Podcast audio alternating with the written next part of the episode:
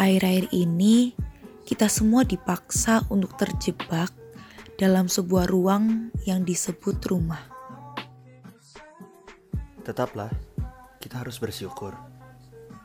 Karena ada segelintir orang di luar sana yang bukan gak bisa, bukan gak suka, tapi gak punya. Lalu, keterbatasan menjadi hal yang wajar yang harus terus dilaksanakan. Yang harus terus dilaksanakan.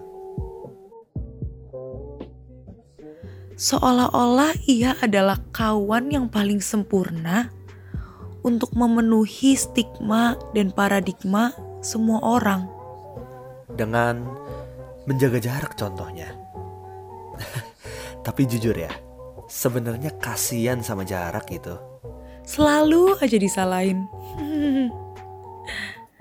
Yang kemarin-kemarin masih bisa bertemu, sekarang semua orang hanya bisa bersuara melalui dunia semu.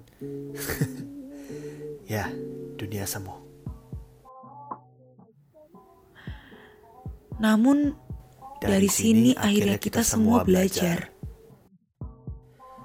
untuk menghargai setiap pertemuan, sekecil apa pun itu. Suka tidak suka, mau, tidak mau.